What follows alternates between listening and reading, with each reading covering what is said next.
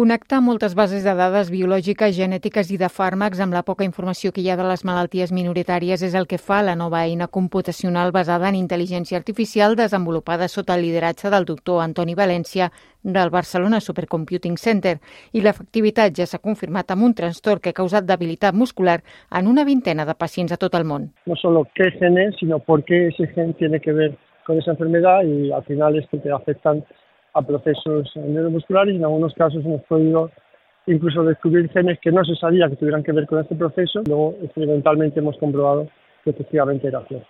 L'eina també permet saber quins són els fàrmacs que ja estan al mercat que són útils per als gens identificats. Vemos que hay fármacos que se han usado para otras enfermedades que están usando como diana algunos de estos genes que hemos encontrado. Proponemos reposicionar para tratar a estos, a estos pacientes. La possibilitat d'amplificar les dades i la informació obre vies d'exploració inimaginables per a les malalties rares.